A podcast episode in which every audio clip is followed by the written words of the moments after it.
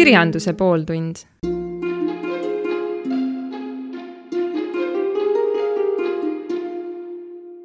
tere, hea kirjandushuviline. Heldur Lääne siin jälle oma juttu ajamas. Pole vist ammu kohanudki sind, aga mul hea meel, et sa mind täna kuulad. oleme ette võtnud pikema sarja, kohe lausa neli saadet ja nii nagu pealkiri ütleb, et kirjanduse pooltund, siis ikka kirjandusteose põhjal, aga ma, kuna on meil siin selline pikem, pikem sari, siis, siis ma tahaksin veidikene teha ka sissejuhatust ja, ja alustaks eh, nii ebatraditsiooniliselt, et eh, on selline väljend nagu ahvidest alates ja, ja teeks väikese eelloo et äh, meil tuleks vaatamiseks äh, raamat Kümme päeva Paides, mis on kahe tuhande kaheksateistkümnendal aastal ilmunud ja, ja hakkakski kohe pealkirjast äh, alates norima, et, et miks siis Paides. Ja, ja eelloona räägiksin sellise toreda loo, et, et sai omal ajal käia maavalitsuse majas tööl ja, ja siis ninapidi olla maavalitsuse tegemistes sees ja tean, et, et taheti oma piirkonna edendamiseks siis kangesti ära kasutada ka Adaveres olevat Põltsamaa Mandri-Eesti keskpunkti ja selle nimel tehti päris palju tööd ja nähti vaeva ja kuni siis ühel koosolekul tuli välja, et, et Paide inimesed olid pannud sinna Paide lähedale ilusasti üles, et see on Eestimaa süda. noh, tuli välja, et, et seal keegi oli vist natuke susserdanud ka, aga, aga, aga meie töö siis jäi selle võrra soiku ja nii jäigi Paide Eestimaa südameks ja mina mõtlesin jälle oma raamatut kirjutades, et vaata, kui hea selline näide ja, ja sisu seletaja, et, et, et ikka asi toimubki Eestimaa südames. sest et tegelikult juttu tuleb sellisest hüpoteetilisest teemast nagu kodusõda Eestis ja praegusel ajal. nüüd siis, miks siis see raamat vaadake, mina olen sellest ajast pärit, kus teatud erudiidid võisid öelda, et nemad on kõik eesti keeles ilmuva uue kirjanduse kooliõpikutest Koka raamatuni läbi lugenud, aga kui me nüüd vaatame raamatupoodides eh, letile, siis siis võib kohe mürki võtta, et, et, et sellist inimest enam ei ole Eestimaal olemas. ja kui ma vaatasin neid pealkirju ja autoreid ja seda valikuvõimalust, siis siis tegelikult tuli, tuli mõte hoopis, et, et miks ei võiks Põltsamaa raadio kasutada ära sellist võimalust, et, et ta laseb oma Põltsamaa autorid siin äh, rääkida. Ja noh, teadupärast ma ise olen kirjutanud, siis, siis ma võtsin just selle teema ette, et, et minu kümme päeva Paides võiks olla see vaadeldav kirjanduslugu nüüd kaks tuhat kaheksateist aastat, siit on nüüd juba päris palju äh, vett merre voolanud ja teate, nüüd tagantjärgi vaadates see kaks tuhat kaheksateist ikka oli ikka imeilus aeg. meil ei olnud kohe nagu mitte mingit muret. et äh, kõik see Covid ja, ja nüüd siis see sõda ja, ja praegune segane aeg, see oli kõik teadmata, arvamata aga, aga üllatav-üllatav, kui ma nüüd täna teile siin võtan ette, et äh, loen ja, ja jutustan sellest äh, loost, siis, siis no võta või jäta, päris palju tuttavat tuleb ette. ja nüüd siis äh, räägiks ka, et, et kuidas ma te üldse seda kavatsen teile siin tutvustada raske on, raske on sind, armas kuulaja, üllatada kirjanduses millegi muu, noh, sellise erisusega või eripäraga ja, ja, ja kõige paremad ideed on ikka tegelikult kõige lihtsamad ideed. ja, ja ma mõtlesingi, et kui ma üksinda istun siin mikrofoni taga ja sulle räägin, siis, siis ma võtaks sellise ümberjutustava ja jutustamise eh, meetodi ette, et, et tegelikult see on nagu kirjanduse kõige eh, vanem meetod või kirjanduse eelne meetod nii et, et ma saaksin ikka oma selle kirjanduse pooltunni raadio mm, tingimuse täidetud, aga, aga saaksin ka vabalt lihtsalt rääkida. et veidikene ka natukene kuuldemängu moodi, aga, aga ma siiralt loodan, et, et see sul teatud huvi tekib ja, ja kuna seesama etteütlevalt või eelütlevalt võib öelda, et see, see raamat on mul selline teemade poolest väga seinast seina, siis no jutt oli ju, et tulen kodusõda ja nii edasi, siis, siis ära sellele lainele ennast väga häälesta. jah, nüüd selles esimeses saates tulevad ka lõigukesi sõjast ja, ja sõjaoludest, aga tegelikult juba täna läheme me päris sõjast kaugele, sest siin on väiksed nüansikesed, mis pärast need teemad ja mõtted hoopis tulevad täiesti nagu välk selgest taevast hoopis teisest kandist. aga võib-olla siis alustakski, et ette on võetud raamat Kümme päeva Paides aastal kaks tuhat kaheksateist ilmunud ja ma alustaksingi veidi, veidikene kohe raamatu enda tsitaadiga või lõigukesega, et ei peaks väga palju ümber jutustama, miks siis nii. tõeline kodusõda riigisisesed pinged olid poliitiliste erimeelsuste tõttu nii kuumaks läinud, et Kaitseväe juhataja ja president peaaegu käsitsi kokku oleksid läinud. Õnneks või õnnetuseks Kaitseväe juhataja on naine. ega siis eriti midagi muud peale sõja üle ei jäänudki. Nad mõlemad ju ei puutunud otseselt asjasse, kumbki pole esimese suurusjärgu poliitiline institutsioon, aga nad mõlemad kandsid poliitilist kuvandit seniks, kui rahva hulgas ei olnud polarisatsioon veel täiuslikuks arenenud, ei saanud ka nemad end täielikult väljendada. samas erakondade aktiivne ja järjepidev järeleandmatus vedas riigi patiseisu. valikuid oligi ainult kaks ja juba järgnes sõnasõda kuninga ja lipu vahel vabariigi president teatas, et sõja korral on tema kaitseväe ülemjuhataja, mille peale kostis kaitseväe juhataja, et ka kui ta seda sõda tahab, siis ta selle ka saab. no selgitus ongi nagu üleliigne, et, et kui me nüüd vaatame tänaseid ajalehti, siis, siis me tunneme sealt eh, midagi tuttavat no nüüd jutustuse käigus võin ma sul, teile öelda, et eh, selle sõja puhul nagu keegi väliselt appi ei tulnud ja see jäigi Eesti-siseseks asjaks ja et noh, parlament ja valitsus töötasid ka kusagil Tallinnas seal ja, ja ajakirjandus ilmus, aga oli selge rindejoon, mis siis oli kusagil seal Pärnu, Paide, Rakvere joonel, eh, et, et Eestimaa oli täpselt pooleks. Ja ühel pool olid ühed ja teisel pool teised ma nüüd julgen vist öelda, et, et presidendi pooldajad olid siis lääne pool ja ja ülemjuhataja poolsed olid vist siis ida pool, aga, aga ega seda nüüd väga täpselt ka ei saa kinnitada ja tegelikult see vist ei olegi oluline. küll aga üks pea, meie peategelane siis tundmatu sõdur, sest ma tema nime paraku ei tuvastagi siin raamatus, otsustas ka, et, et tema lööb nüüd kaasa, sõda oli enne käinud, mees oli saanud väljaõppe, aga ta ei olnud otsustanud, kas ta ikka tahab sellest sõjast osa võtta, aga ka siis ta arvas, et tema mõõt sai täis ja tema läheb, lööb ka kaasa. ta oli täis kaitsetahet ja, ja, ja indu, ta oli hästi motiveeritud ja ettevalmistatud mina olen ka üks pooltest, mina toetan presidenti, ma olen valmis tema eest sõtta, niimoodi ta meile ütles. ja siis veidikene nagu ka üld sellist äh, juttu veel juurde, sõda kollitas meid omas kodus astus luba küsimata südamesse ja pani oma reeglid kehtima.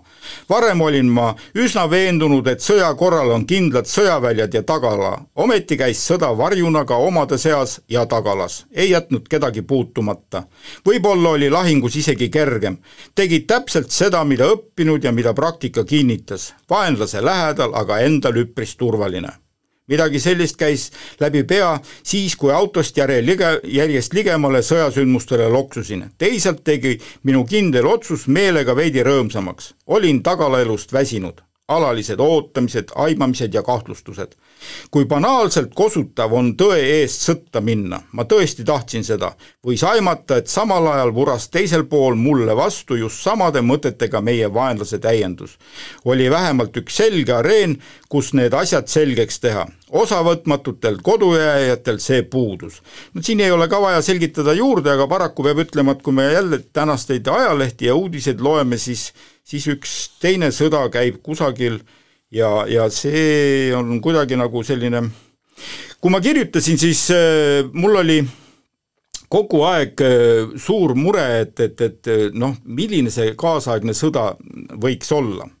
aga nüüd tuleb välja, et, et ma kirjutasingi täpselt sellisest kaasaegsest sõjast, nagu kaasaegne sõda praegusel ajal välja näeb. noh, pere jääb ju maha ja, ja sõjamehe suur mure on ikka tema kodu ja, ja mis seal siis saab olla, et, et ikka mm, oma naine, kes, kes jääb siis kõike hoidma ja keda tema ei saa jälle hoida, kuna tema on rindel, ja, ja selline väike meenutus kuluks siis ka juurde ära. Piret on tõeline naine, tema jäi üpris rahuliku näoga kodu kaitsma kui esimest korda kokku saime, siis ta küll selline hooliv ja emalik ei olnud. sellega ta vist mulle meelde jäigi, äärmiselt elav ja püsimatu. nii ta minu mõtetesse armuvalus söövis. hiljem sain teada, et ta on vaimukas ja arukas ja väga püsiv, isegi jonnakas. esimene mulje ju petlik. tegelikult tuleb mulle alati magus igatsus sisse, kui temast mõtlen milles ma kindel olin, oli see, et võisin rahuliku südamega ta jätta maha peret hoidma, kuniks mina lähen põhimõtete eest võitlema. meie pikaajaline abielu ei olnud midagi ainult kooselu, me olime kokku pandud paar, teineteise osad. mitte nagu naabrimees sageli tõdeles, supilt maas ja kepist ilma. kuidas neid asju sai üldse niimoodi jagada? vapra rüütlina sõitsin sõjaväljale no ei pea üle kinnitama, et, et, et tulevane kangelane on tulemas, sest äh, see moraal, mis temas oli, on sees, aga miks siin ma nüüd seda tema naise äh, tähtsust äh, siin välja toon, on tegelikult see, et, et sellel sõjamehel ei, ei lähe täpselt nii, nagu, nagu sõjamees arvab. Ja võib-olla tahakski natuke rääkida sellest, et sõja olemus kui selline, vot see on nüüd see, mida me peaksime väga täpselt silmas pidama, siis noh, sõda ongi ju selline ebareeglipärasuse kompleks, mitte miski ei ole nii, nagu reeglid ütlevad, vaid tegelikult sõda ongi see, kus ei ole reegleid. ja, ja, ja tema mängib, no rahvakeeles öeldes äh, mäkra kohe ikka, ikka mitut pidi ja, ja see vaene sõjamees ka peab just seda oma naisega suhet ikka väga silmas pidama. küll aga veel veidikene nüüd äh, juurde sellisest äh, nagu veel taustast, et, et no sõda käis ja majandus pidi ju kuskilt toitma seda, kuna, kuna abimehi väga ei olnud, siis, siis äh, sõjamehe teine pool on, mure on see, et, et kuna tema oli ka läinud ikkagi töölt eh, sõtta, siis et, et kuidas, kuidas see välja tuleb, et, et, et riik peab sõda ja, ja vabrikud ka veel töötaks. ja ta mõtleb väga tõsiselt omaenda nagu ülemuste peale ja, ja vaatab neid ja arutab omaette. samas oli ärksamaid nõndanimetatud jutumärkides tegijaid mõneti olid need ettevõtjad nagu poliitikud, sealt mu poliit-, loogiline mõttelõng katkeski. keerulisel ajal püüdsid nad ikka ühe või teise poolega diili teha, milleks? nii sageli ära, nii sai sageli äri ära rikutud, ettevõtmine lausa hädaohtu seatud, aga võta või jäta, ärimees räägib, millised raskused tema töös valitsevad, kuidas ta oma elu hinnaga kogu riigi tugi, kui oluline persoon ta on kelle jaoks, ordeni jaoks, ausamba jaoks.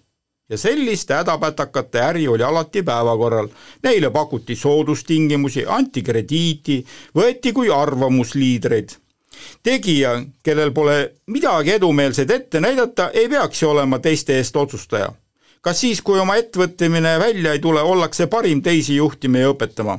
paraku huugas tehas äri käis kõigele vaatamata ja tavainimesel ei olnud sinna asja, tee oma ettevõte ja siis räägi kaasa, pane oma nahk turule.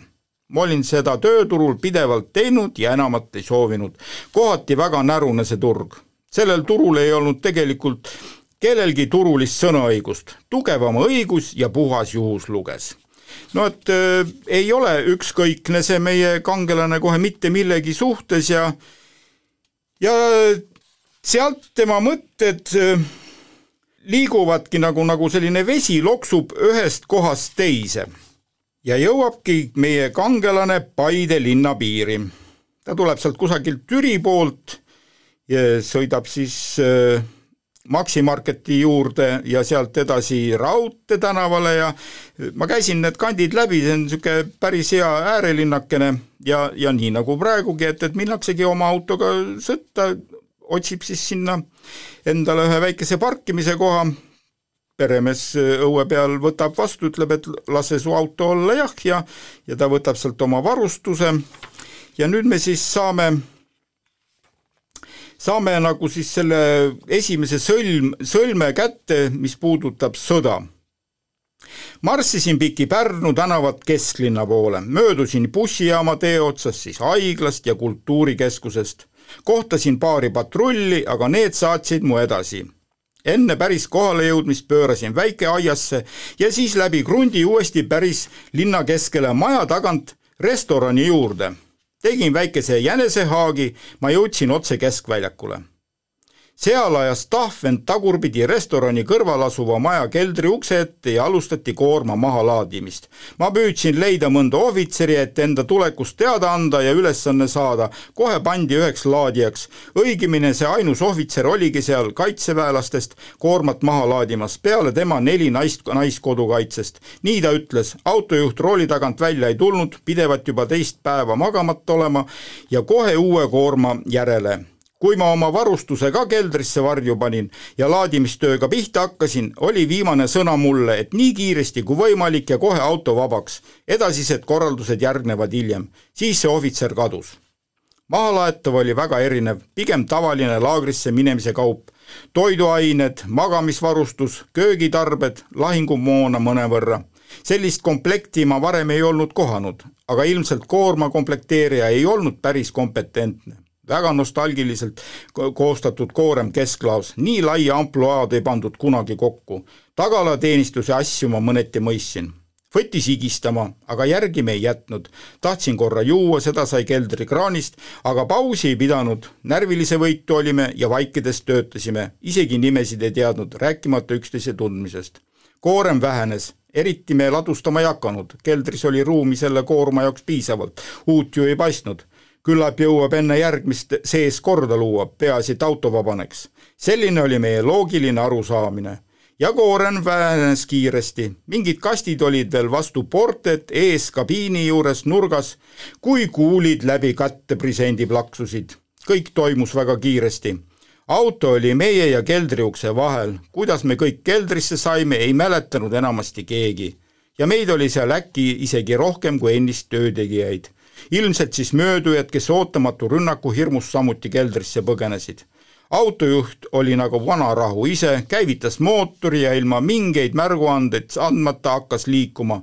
osavalt pööras ta kahe maja vahele, pääses otsesest sihtmärgiks olemisest ja siis üks väga kõva gaas, auto lausa lendas järgmisse põiktänavasse ja rohkem ma sellest autost ja juhist ei tea midagi. isegi auto numbrit ei osanud meelde jätta õige varsti hakati teiselt poolt vastu tulistama, selge jäid tukkuma. esimene rahutus möödas, uks kindlustatud, laskmine lõppenud, istusime põrandal. mida edasi? oli üpris turvaline, paksud keldriseinad kaitsesid, aknad ei olnud, kuiv ja soe. maa-alune kaabel tõi isegi elektri sisse, mõned alles jäänud lambid põlesid, mahajäetud peldikus oli vesi olemas ja laos meie varu-, varutud, maha laaditud kaubad kuivtoitu ja konserve, kõikvõimalikku varustus alates tekkidest ja lõpetades vormiriietusega, seljakottides isiklikku hügieenivahendid, tualettpaberit ja veel avastamata tagavarasid jagus varasemast ajast, ilmselt oli see endine kooperatiivi kaupluse ladu. meil oli sõna otseses mõttes kõik olemas, kõigi mugavustega sõda. no vaat see nüüd ongi see koht, mis mind on alati nagu hämmastanud, et me ju teame ikka sõda pigem selle järgi, et üks, üks hirmus häda ja kaos ja, ja ja meeletu nälg ja kõik muu, aga, aga kui praeguseid neid ükskõik milliseid sõjauudiseid vaadata, siis, siis mulle tundub ka, et, et tegelikult see varustuse ja logistika teema on niivõrd tähtis, et see, see on peaaegu noh, ära lahendatud ja, ja, ja seetõttu ka meie kangelasel on sedasi, et, et see nagu ei ole mure see, see toit ja, ja kõik äh, energiat, et see, see ei ole üldse probleem, probleem on ikkagi ainult vastane. Esimest korda siin olnuna olin ma arvanud, et kogu see kesklinn on meie oma, paraku just poolitas vastaseid. miks me siis siia keldrisse kaupa laadisime, jäi mulle mõistetamatuks. mis otsustasid samasugused võhikud käsutäitjad nagu meiegi. üks teeb üht tööd ja teine teist, seda ühe ja käe analoogiat ei olnud vaimukas meelde tuletada. fakt oli see, et välisuksest me ei saa enam välja. tuleb leida teine väljapääs. maja oli ju väljanägemiselt renoveeritud, kindlasti leidub mingi tagauks ei olnud. see kelder oli täiesti vanaaegne, ilmselt selle vanadele maakivide müüridele ehitatigi uus hoone kunagi peale ja keldrit kasutati varasematel aegadel esiti laoruumiks, kuna kaupa oli raske kaasaegselt transportida, siis oli see ka praeguseks ajaks maha jäetud.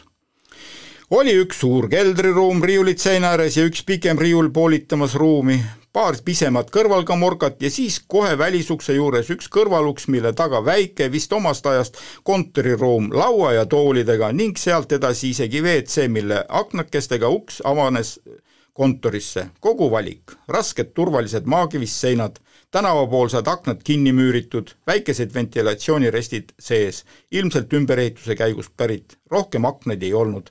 väljaspool täiesti heas korras hoone, teisalt silmatorkamatu kaldtee ja keldriga. kes see ikka teadis, et me siin sees oleme, kahe rinde vahel, ilmselgelt ei kellegi maal, näo ja ainsa uksega vaenlase poole. no vot nüüd tulebki see sõja ebaõiglus ikka välja, et, et, et mees tahtis minna kangesti kaevikusse ja, ja rünnata ja, ja mida kõike veel, aga nüüd oli ta kusagil seal ei kellegi maal kahe rinde vahel koos naistega kinni käsirelvadega ei ohustanud meid siin keegi, lükkasin ukse sisemise suure riivi kinni, kahureid ei olnud ja ega polnud vajadustki meid rünnata, me ei rünnanud vastu. Ja minul ning naistel olnud relvad ja maalaaditud padrunikastid andsid meile mõningase kaitsevõime ja paljaste kätega meid võtta ei olnud võimalik, ülejäänutega oli nagu oli. no vot jah, et, et äh, sõjamees mõtleb ikka kõigepealt, kuidas kaitsta, aga, aga tõepoolest, et need mõtted läksid tal tühja ja võtame siis, vaatame, et kes temaga siis seal koos olid, et Asta näiteks oli Alutaguse naiskodukaitsest ja Pille oli kodunt väl-, jalga lasknud hoopis niisugune peaaegu puberteedist väljunud plikakene, siis oli ka keegi Elle, kes oli siis selle peategelasega samaealine ja, ja, ja oli ka tohtnud tulla kaasa lööma, nii nagu meie kangelanegi, aga, aga ta tegelikult oli ka vist just tänu sellele, et ta sinna keldrisse sattus natukene pettunud, et kuidas see asi saab nii olla. ja ma loen ka veel sellised nimerea ette, et kes seal siis kõik veel said olla, Kristel, Ester, Kadri, Anne, Jaanika, Viktoria.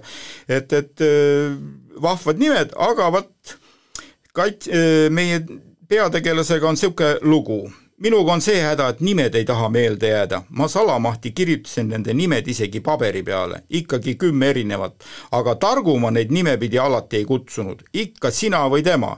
Jäin ka hätta kellegi kolmanda mainimisel, püüdsin siis teha arusaadavat nägu ja kuidagi otsest nime mainimisest vältimata. mingi muu seos oli ju veel meeles, kust pärit, mis seljas mida tegi ühesõnaga, ma ei tahtnud, et nad keegi haiget saaks minu kehva nimemälu tõttu, varasemalt juba vitsad käes, inimesed on selles suhtes väga tundlikud. vot et see on nüüd selline väike märguanne, et, et meil, meil vist kõigil on selliseid selliseid hädasid kallal. Ja nagu ma siin edasi nüüd ütlen, et, et ta ikka tahtis suur juht olla, siis kuna ta oli seal ainukene mees ja sõjaväelane nende naiste hulgas, et Äh, see oli talle probleemiks, sest et püüdsin olla autoriteetne, kui kodus oma perekonna keskel olin kohati väga mänguline ja sageli ei kartnud ka tola teha, siis siin oli enne, enne range kui leebe, igaks juhuks. Juht on asjalik, aga mitte isiklik. Erapoolik ja kuna meil on sõjaseisukord, siis ka range, eludega ei mängita. ma tahtsin nii väga neile juht olla, see oli minu arvates loomulik ja loogiline. Noh, eks me nüüd kõik saame aru, et, et, et see ongi niisugune loomi, loomulik ja loogiline. tegelikult hiljem me saame teada, et ega need naised niimoodi päris ei arva, aga, aga ikka hea, kui on inimesel oma selge nägemus ja eesmärk, eks ole nüüd siis natuke veel nendest juhtumistest, mis neil seal oli, et, et esimene hommik, see on nüüd juba järgmine päev ja, ja meie kangelane siis mõtleb, et no mis nüüd teha, sest nad on tõepoolest seal ikka lihtsalt keldris kinni, neil ei ole mitte midagi teha. noh, said ennast seal nii-öelda kergelt kasitud ja, ja, ja siis arvas meie, meie päätegelane, et, et no peaks siis naistele süüagi tegema, sest keegi ei tahtnud seda teha. ja kuna seda süüa, nagu me siin juba teame, et seda varustust oli neil nii palju, siis, siis, siis ta võttiski ja hakkas mingeid sõduriputrusid tegema. tegi ikka vahvalt valmis, et, et kõik süüa saaksid, aga häda oli nüüd küll selles, et, et ta ei, ta ikka ei teadnud, mida inimesed ikka süüa tahavad ja, ja, ja tegi mingit ühte, ühtesugust lobi, siis siis tegelikult ikka selle asjaga oli see häda, et peaaegu igaüks leidis põhjuse, miks mitte süüa, ainult näksis natukene. kohe nii kõvasti näksis, et, et, see meie kangelane oli natukene solvunud lööme siis kõik kohe prügikasti ja viskame ära, kui nii pirtsakad olema, ei peagi enam süüa tegema. see samune kaob siis iseenesest see oli muidugi kaikaga pähe andmine, aga elavad üle. mul ei olnud veel kunagi ette tulnud, et sõduri sööki jääb üle. alati tuli puudu. küsiti lisa, isegi kehva sööja söök pandi pihta. nüüd viskame korralikku ja piiratud koguses toitu lihtsalt tuju tõttu minema. naised said vist esimest korda aru, et me oleme siin sunnitud pikemalt aega veetma. no vot, kaks, kaks asja nagu ka siis ka korraga, et, et tõepoolest, et sööma peaks nagu kõike, me siin hiljem näeme ka, et, et äh, sellel teemal lausa arendatakse sellist maailma kaitsmise probleeme, no vaatame siis seda hiljemalt, aga selge oli nüüd see, et, et äh, sinna keldrisse nad esialgu jäävad. ja, ja mingit muud pääsu neil ei olnud. See keldrielu muidugi, kuna ta oli piiratud ja, ja vaba ruumi ei ole, siis, siis tekitas omajagu probleeme, sest eh, juba jah, et kui sa oled ikka sedasi lihtsalt aheldatud, eh, siis, siis eh, see ei mõju üldse hästi ja see on ka järgnevate nagu teemade tuleku ajend, et, et kui sul on teatud olud, siis sa hakkad ikka ühte või teist asja öö, mõtlema ja, ja, ja kõige, kõige nagu noh, keerulisem on mõista see, et, et, et kui neil oli tegelikult kõik olemas, siis oli üks asi see neil puudu ja see oli, tegelikult see oli puhas rahu. Neil oli ikkagi öö, sõda. nüüd siis veel natukene olmest ka, et, et öö, kuidas siis seal olla, teisel pool on ju vaenlane lähedal, et öö, kui hästi siis see on teada, et nad seal keldris on turvalisuse tagas võimalikult vaikselt elamine. keldri seinad olid muidugi paksud ja maakivist, iga peeretus kindlasti läbi ei kostnud, aga ma ju ei saanud välja minna kontrollima, kui kõvasti tohib rääkida, et meid ei kuuldaks. vaenlane võis lühi lähedal olla, otse üle keskväljaku. et eh, eks nad siis hakkasid seal vaikestviisi sosistama, no katsu sa rääkida, kui sa ei, ainult sosistad. no unustad ära, sest otseselt ju ohtu nagu ei olnud. ja siis jälle hakkas kõik otsast peale, et, et tuli jälle tš, ja, ja, ja võtta tempo maha. kui enesevalitsemine välja arvata, siis teine väga halb asi oli tehnika pool. kõikvõimalikult kõrgtehnoloogilised seadmed, telefonid ja arvutid kippusid häält tegema siis, kui ei olnud vaja, hääl tuli neil maha võtta, sellele saime analoogselt inimhäälega summuti peale, jäi veel vee ja kanalisatsiooni taltsutamine. see polnud nii kerge. WC-s kostis paratamatult murdlaine hääl peale kangivajutust, lootusetult alati. veesurve ei olnud väga ühtlane ning vana kraan kraanikausil tegi samuti häält ettearvamatul ajal, põrisemisest kõrgetoonilise vingumiseni alati tekkis ka minul meeleheites tahtmine sama häält teha, sest sulguri joik kandus pikitorusid kaugele. sidusin mitme koha peal summutavaid närusid, pingestasin nööridega torusid, et need ei vibreeriks, vahel oli abi, enamasti mitte. kord kargasin hirmsa kraanikarjatuse peale pesunurka, aga seal loputas keegi, ei ütle kes, oma intiimsemaid kehaosi muidugi oli see vajalik, aga kraani hooletu ja järsk avamine kajas kui kahuripauk ja see tuli summutada. toimetasime siis seal kahekesi, tema uhkusest ei katkestanud pesemist, esiti kiljatas vaikselt. Oli ilmselgelt väga vihane ja meelega lodistus kõige varjatumaid kehaosi loputada ning mina masseerisin toorusid, reguleerisin voolava vee hulka ja toppisin käepäraseid troppe seina ja veetoru vahele, et ebameeldivat lärmi vaigistada. toime tulime me mõlemad no hakkabki nagu tavalisse olmesse juba minema, midagi teha sõjalist ei saa, aga, aga oma igapäevane tuleb siis teha nii, et, et sa ei jääks kellelegi jalgu, eriti vaenlasele.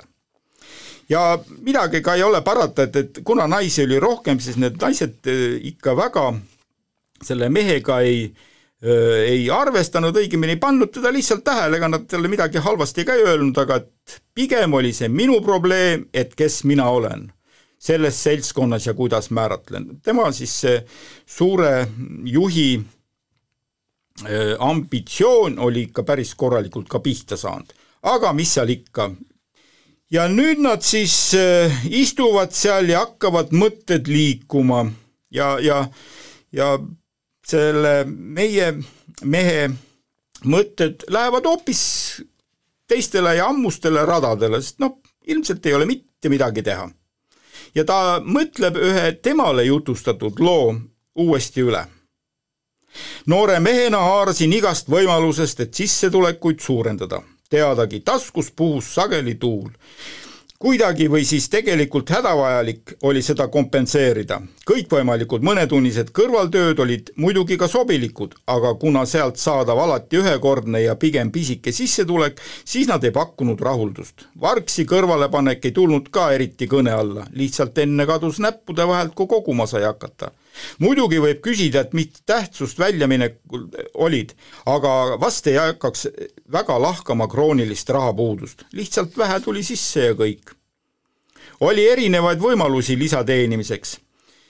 tänapäeval võib-olla veidi eriskummalised, samal ajal näen ma midagi sarnast iga päev toimuvat, kellel midagi muidugi on ettevõtlikkust toidu tootmine oli toona väga tarvilik ja ei tahaks väga rõhutada tühjadele lettidele, igapäevaselt olid kõhud ju päis, aga see oli nii-öelda tühi turg. mina peedikasvatusega ei soovinud tegeleda, liiga palju küürutamist ja must oli see töö.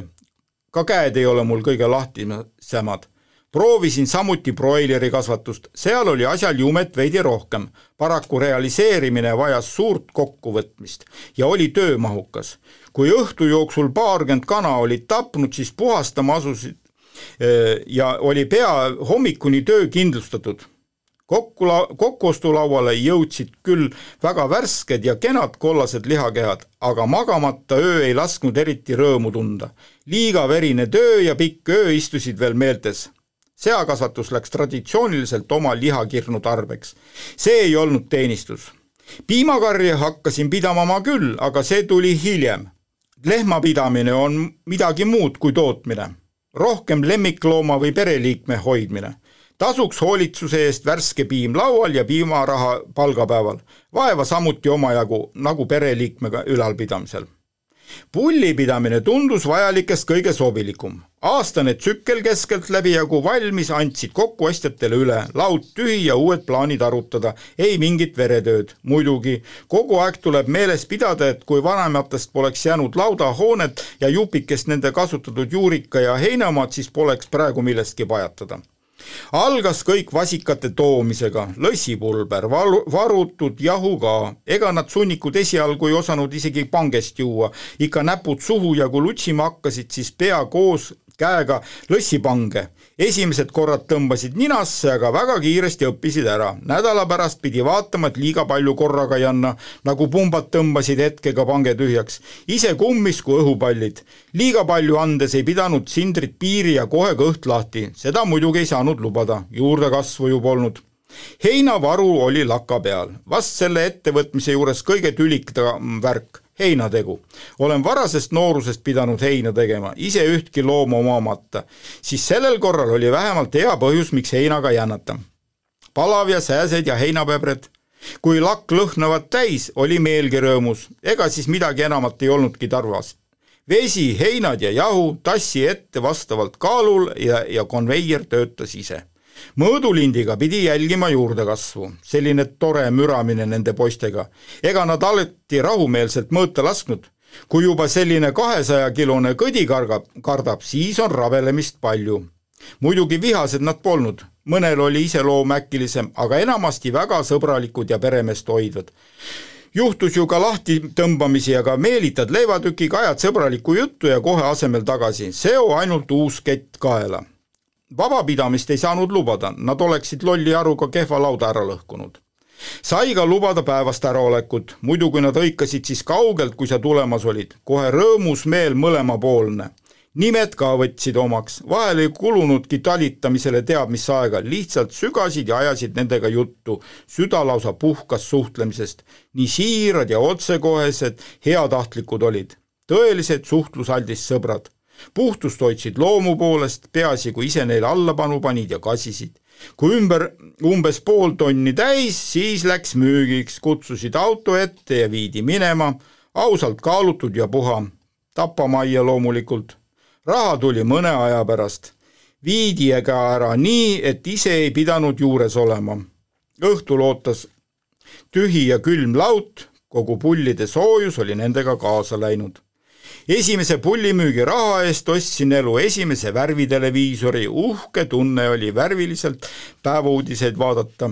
edasi see ost ei, ei mäleta eriti, enamasti ikka üheks suuremaks ostuks jätkuski oli ju aega välja mõelda, mida siis seekord. nüüd need asjad ammu prügimäel või lihtsalt kadunud. Aga ega tänapäevalgi elu teistmoodi ole, noortel raha vaja, küllap otsivad ja leiavad, mida teha ning müüa. no vot siin selle, nüüd on siis esimene nagu selle raamatu näide, kus kus teema läheb ikka hoopis metsa nagu käest ära, julgen lubada, et selliseid erinevaid teemasid tuleb siin meil rohkemgi, aga öö, raamatus järgneb ka üks lugu ärikatest Aafrikas, aga seda ma ei hakkaks teile tooma, et, et kui teil on huvi seda raamatut hiljem kätte võtta, siis te saate ka lugeda, aga seal on hea koht, kus Safaril olnud mm, ärimees näeb läbi optilise sihiku elevandi, keda ta lasta tahab, selle silma, aga see on läbi optilise sihiku nii suur nagu praemuna, et, et tal hakkavad käed lihtsalt värisema. Äh, aga et kuna jutt on nüüd Paidest, siis, siis ma võtaks ka veel, räägiks ähm, täna selle teema juurde, et, et peategelane loomulikult äh, teadvustab täiesti selgelt, et ta on Paides ja ja mis Paides on, Paides on Arvamusfestival. ja, ja seal on tema perega enne käinud, ta muidu nagu Paidesse väga ei satugi võib-olla siis praeguseks nüüd lõpetuseks loen ka ette, et, et armus, Arvamusfestivalil on ju väga palju esinejaid, temaga juhtub ühe no kuidas öelda siis, uuendusmeelse ja, ja väga sellise hea oraatori kõnet kuulama, mille siin raamat on kohe täies pikkuses ilusti sõna-sõnalt ära toonud. Ja miks sellest siis rääkida, no rääkima peab seda sellepärast, et, et et võta või jäta, seda teksti võiks ka nüüd kasutada. seisak võtab võimust, järjest vähem oleme rahul tänapäevaga, täna eriti. lasete pilgul käia üle uudistevoo ja muud silma ei jäägi, aina ootus uuele, pöördelisele. hommik on noor, sina just virgunud ja selle tõdemusega algab päev. just nagu uksed oleksid lahti läinud murdlained kaldale kohisenud, nagu esimene liblika tiivalöök kõiksuses pööret tihkavad kõik, iga valdkond, vaata kuhu tahad. vajadus kõige järele on kasvanud tohutult ja ees ootab stagnatsioon. see on selgelt silmapiiril näha, kui ei toimu muudatust. naeruväärne, kuidas me seni oleme toimetanud, mingi kindla malli järgi, mingid just nagu iseenesest toimivad ja meie rõõmsad lootusrikkad silmad samas suunas suunatud toitume roiskuvatest olmejääkidest igas mõttes, kuidas üldse saab nii rumalalt elada. muidugi on meie seas stagnante, paigalseisvaid luusereid, mõttelaisku, ükskõikseid, nahahoidjaid, võta üks ja viska teist. kui kergelt me oleme nende mõttemaailma laskunud, kui raske on nüüd sellest välja rabeleda, iseendale selgeks teha eksimus, häbi tundmata. häbi peab tundmata, tundma. alles siis saame oma valest otsusest aru peame olema piinlikult valusad. kusagil peab tulema see esimene piits, mis esimese hoobi annab. äratab valusalt ja paneb liikuma. Pole vahet, kes seda teeb. aga parem on, kui teeme seda ise, oleme ise peremehed, pöördelisel ajal. uus aeg loob uued inimesed, meil saab kergem olema. Pole enam kammitsemas vana arusaam, pole üks päev piiramas meie tegusid. avame avara silmapiiri meie omadele silmadele. Pole tabusid, pole piiravat arusaama kõik on lubatud, kõik on kõigi oma, kõik saavad kõiges kaasa lüüa, meil on see võimalus. see ei saa kerge olema, selleks peab vaeva nägema. ees seisavad meil rasked päevad ja rasked otsused, palju peab tööd tegema. võitleme ju kahel rindel, ületame raskusi uue ülla saavutamiseks ja võitleme klammerdunud mahajääjatega. kumb võitlus on raskum? tulevad ohvrid, see on paratamatu ja mida rohkem me ohverdame, seda kindlam on meie võit. Pööre peab olema lõplik ei saa võtta kaasa vana ja loota, et loodav uus on oma nägu. ei ole. vana läheb üle parda, meie laev tuleb päästa, teeme puhtaks oma õue, oleme vana suhtes leppimatud. Nad veel värisevad meid nähes. pööret on vaja igas vallas, sellepärast panen südamele, et iga kaasalööja on kulla hinnaga. austada tuleb kõiki tegijaid, muidu me ei võida oleme tähelepanelikud kaaslaste suhtes, aitame, kui vaja. toetame ja julgustame, peame tegema selget vahet, kes on kaotaja, kes abi vajav kaaslane. see on meie kätes, meie pilk on selge ja näeb kõik läbi. me oleme ju meie elu parem pool, edasiviiv pool, meie teame, kuidas kulgeb meie elu parema poole. seisak hoidku alt, me oleme mõistvad selle piirini, mis ei kahjusta meie huve. see on elementaarne. me ei saa lasta oma arvamust eksitada. meil ei tohi vahele rääkida, olgem valvsad, igasugune kõhklemine pöördelisel ajal on hukutav, kordan veel. oleme aktiivsed pealehakkajad, aga tähelepanelikud salasepitususte vastu, me ei saa sellel lasta sündida õigus on meie poolelt, seda kisendab täna iga suu, selles ei tohi isegi mitte kahelda. oleme siis koos üksteist toetamas, selge siht edasi minna ja mõte klaar. me armastame elu ja teame, mida ta nõuab, tuleviku nimel, meie laste nimel. Seisak võtab võimust, nüüd on meie kord tegutseda, seisak ei lähe läbi. Mitte mingisuguse hinnaga, elagu edasiminek. no vot, nüüd jõudsime me juba kolmanda kolmanda eraldi teemani ja, ja ma arvan, et, et seekord nüüd lõpetaks, et, et neid eriteemasid tuleb veel. ma loodan, et, et nüüd me oleme sellest sõjast esimese hooga mööda saanud ja just nüüd hakkabki see tee tiira-taara igasuguste eluvaldkondade juurde minema, aga hääkuulaja, mul on hea meel, et sa nüüd selle triaadi lõpuni vastu panid, võtame järgmise saates uuesti end kokku ja ehk saame ka siis järgmine kord mäele. ole sa sellega tänatud. aitäh!